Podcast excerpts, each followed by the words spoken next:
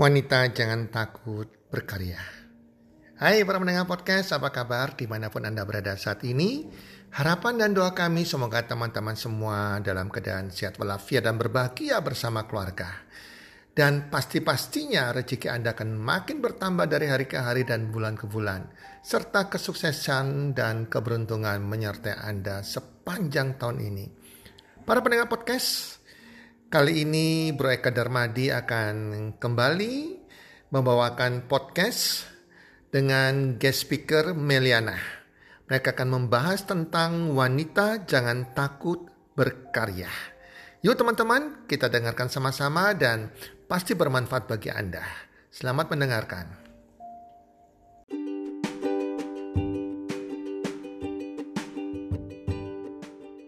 Halo semua, pada episode podcast kita kali ini dengan judul Wanita Jangan Takut Untuk Berkarya. Nah, pada kesempatan kali ini saya mengundang teman saya Meliana. Halo Meliana. Halo Eka. Thank you ya udah meluangkan waktunya untuk mengisi di episode kita kali ini ya Mel.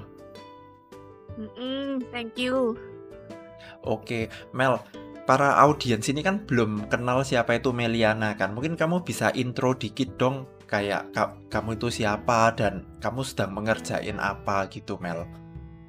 Oke, jadi um, mau cerita sedikit dulu. Aku dulu tuh kuliah di Melbourne, ambil jurusan graphic design. Uh, sebelumnya itu uh, pas SMA aku sebenarnya nggak tahu aku mau kuliah apa, aku bingung. Tapi ketika aku memilih untuk kuliah di luar, aku ambil satu tahun di foundation class. Jadi di kelas itu satu tahun kita tuh dikasih banyak macam jurusan. Uh, aku milih dalam art. Salah satunya graphic design. Nah dari situ aku baru tahu oh aku sukanya di situ. Makanya aku memilih jurusan graphic design.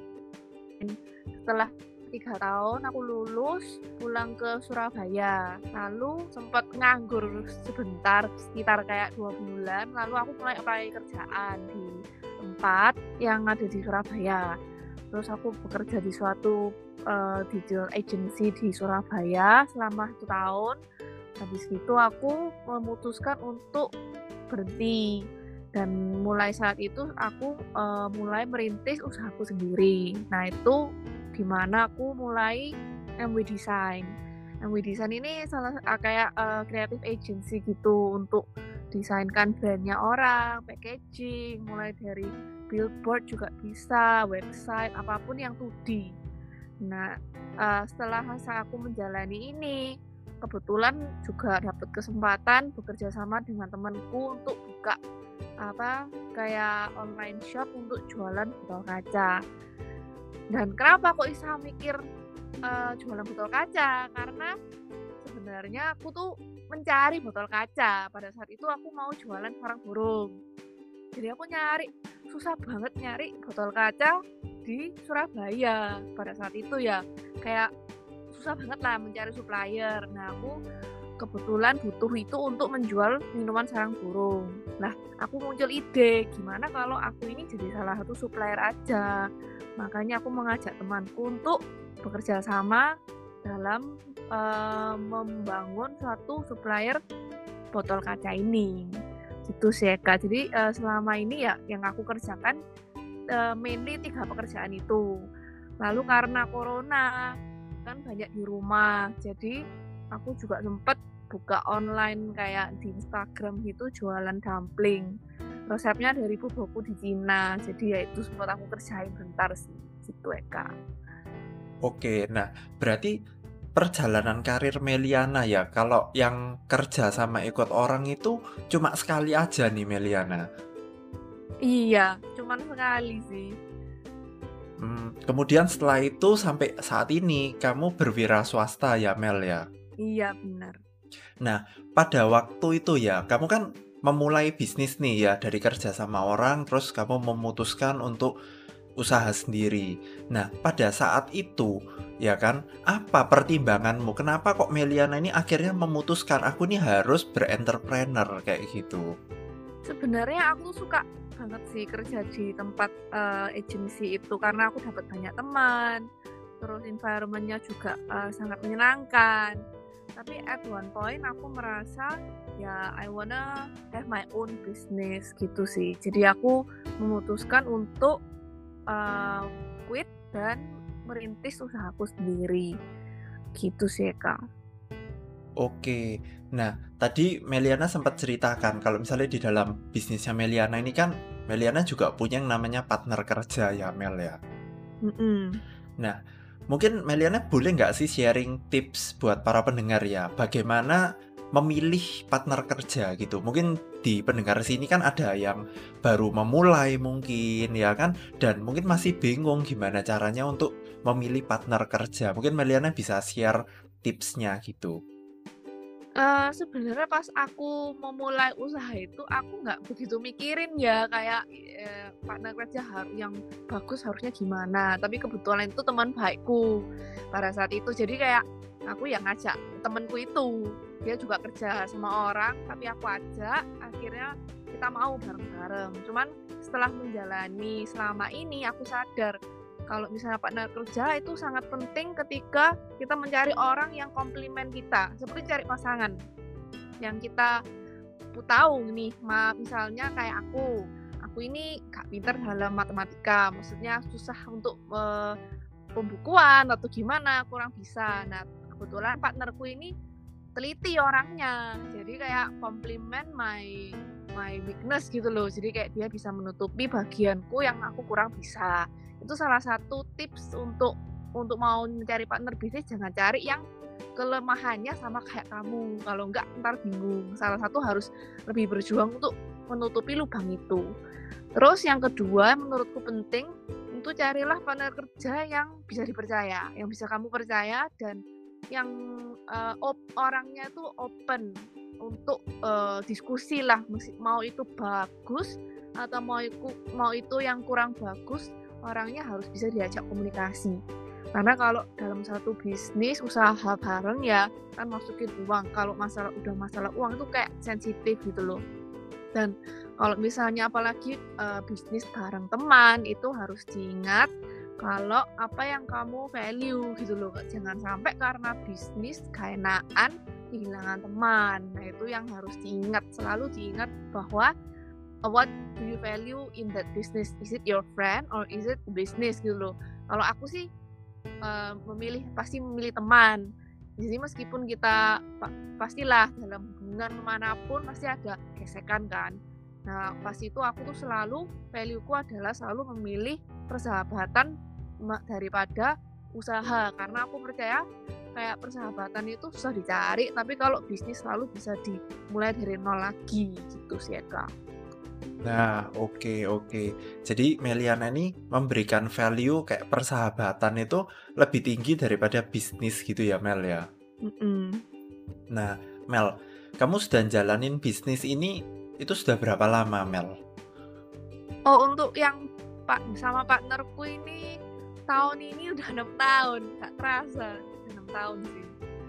Nah, kan kan kita ini kan tahu ya bisnis itu kan kadang belum tentu bisa tahan setahun dua tahun ya kan? Kadang kan kena kompetitor kena apa itu kan kadang sudah hilang gitu ya Mel ya. Nah mungkin Mel kamu bisa sedikit sharing ke kita ya kan? Sebetulnya apa sih kuncinya kok bisa mempertahankan bisnis selama kayak enam tahun ya? Itu kan berarti kayak tahun 2015 ya berarti ya Mel ya, ya. itu kan pasti kayak ada sesuatu. Apa ini yang yang kuncinya? Kok kamu bisa mempertahankan bisnis selama sampai sekarang sudah enam tahun itu Mel?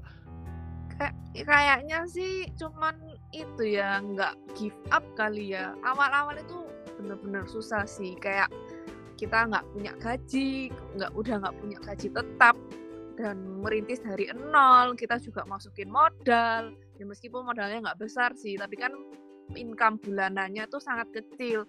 Tapi aku tuh selalu bilang ke partnerku kayak udahlah percaya aja pasti nanti Tuhan bukain jalan. Pokoknya kita bareng-bareng gimana caranya menaikkan omset gimana aja apa pikirkan cara marketing atau gimana kita usaha gitu loh. Nah yang paling penting sih nggak give up ya meskipun di masa sulit atau masa-masa di mana seperti kayak uh, kok banyak yang kompetitor atau kok nggak ada ide ya menurutku sih yang paling penting ya nggak nggak give up dan tetap persevere, being persistent, nanti hasil itu pasti ada gitu loh. Itu sih Kak. Oke. Nah, Mel, mungkin kamu juga boleh share dong ke kita. Suka dukanya selama enam tahun menjalani bisnis itu apa aja nih, Mel? Um, suka dukanya itu kalau bisnis yang botol kaca ini ya, uh, yang dukanya sih ya kadang gesekan sama temen itu nggak enak ya. Jadi itu yang menurutku sih yang sesuatu yang aku harus hadapi dan ke, dan bersyukurnya kita bisa melewati itu dengan baik sampai sekarang. Nah itu yang aku sangat syukuri dan melalui setiap kejadian ya kita semakin dewasa, semakin belajar, semakin berpengalaman. Nah sukanya itu adalah ya bisnis ini bisa puji Tuhan kita bisa hire, bisa hire sekarang sudah bisa hire tiga orang. Jadi uh, sukanya adalah kita bisa menjadi berkat buat orang lain sih. Itu memang dreamnya kita lah nanti kita juga masih punya banyak goal tapi menurutku sekarang yang paling kita syukuri ya kita sudah bisa memberkati orang lain itu sih kak nah pernah nggak nih Mel pada saat apa namanya menjalani bisnis ini kan tadi kan sempat kamu bilang ya pasti ada up and down-nya kan. Sempat ada waktu di mana kamu itu lagi down. Nah pada saat kamu lagi down itu ya Mel ya apa yang membuat Meliana ini tetap kuat dan jangan menyerah? Kan pasti ada alasannya kan. Kan kadang orang kan oh ya jangan menyerah jangan menyerah. Itu kan kayak ada suatu goalnya ada ada tujuannya karena kalau dari Meliana sendiri itu kayak gimana Mel? Kalau pas aku lagi down aku misalnya kalau aku lagi down itu biasanya aku sangat kayak otakku nggak bisa mikir gitu loh kak. Jadi kayak aku bingung aku harus siapa dengan usahaku ini kayak nggak ada energi untuk memikirkan itu.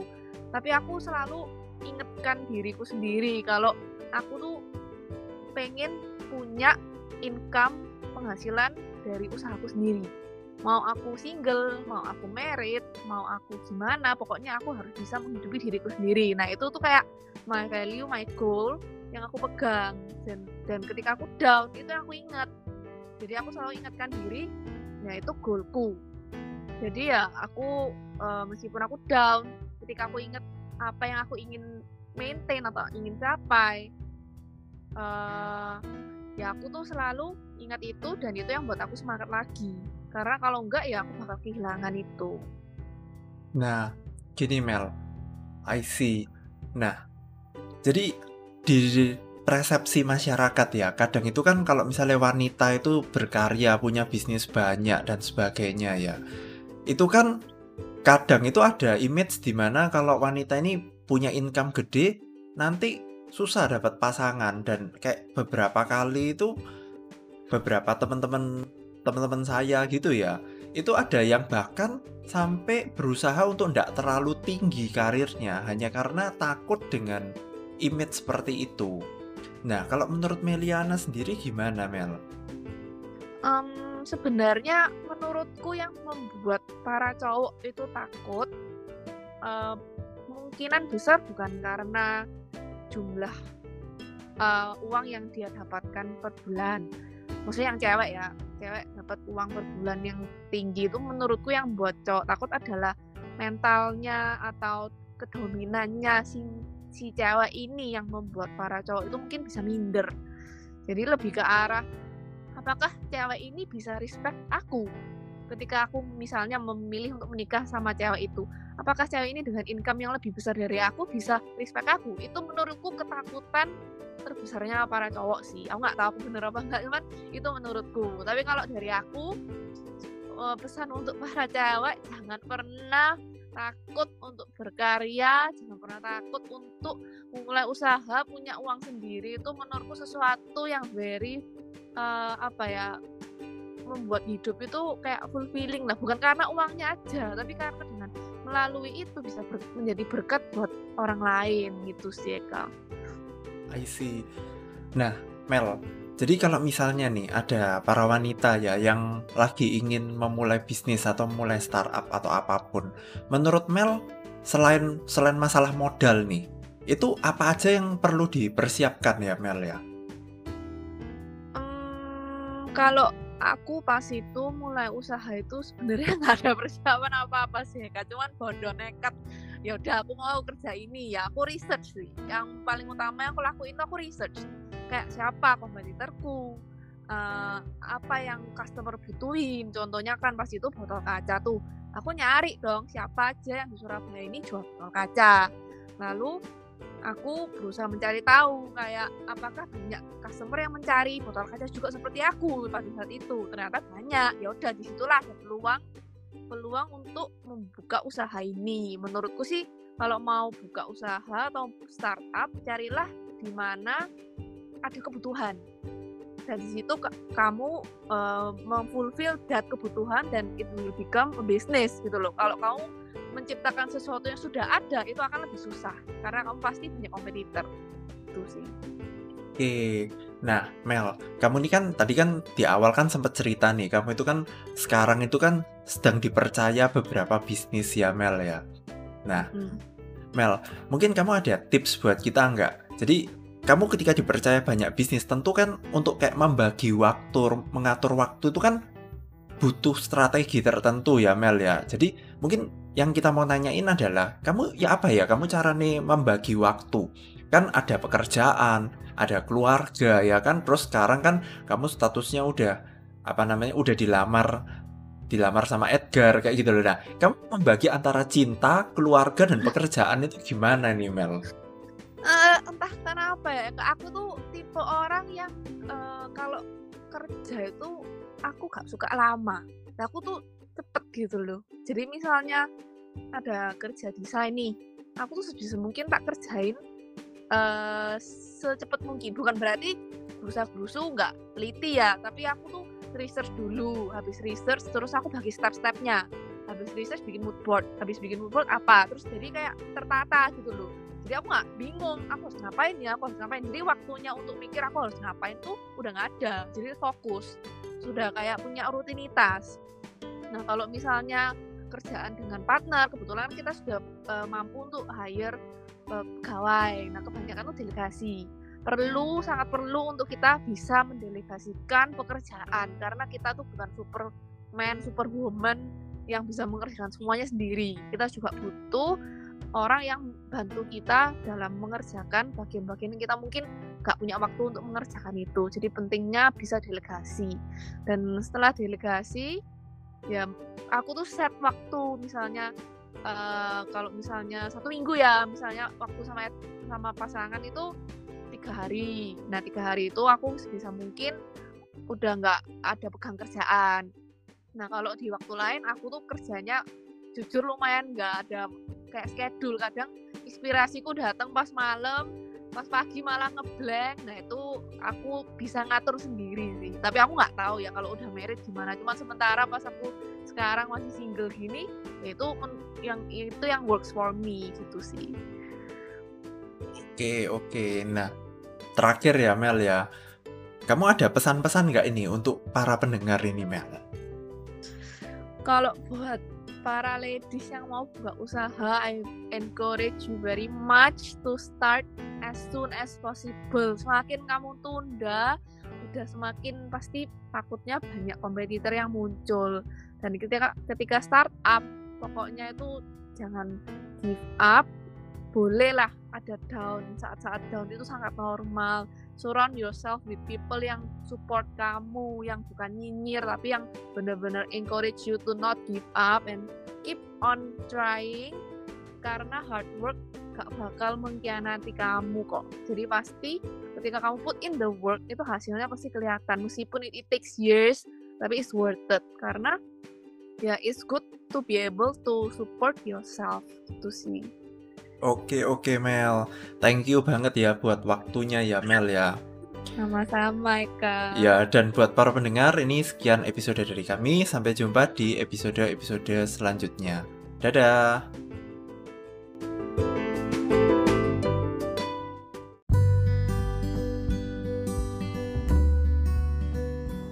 Terima kasih sudah mendengarkan podcast kami. Teman, jika Anda rasa bermanfaat, podcast kami ini, Anda bisa menginfokan kepada rekan kerja Anda, keluarga Anda, teman ataupun sahabat Anda. Dan jika ada hal-hal yang Anda ingin tanyakan kepada kami ataupun topik-topik apa yang Anda ingin kami bawakan, kami sampaikan, Anda bisa DM kami di Instagram kami healthcommunity.id. Salam one two three, salam sehat, sejahtera dan bahagia.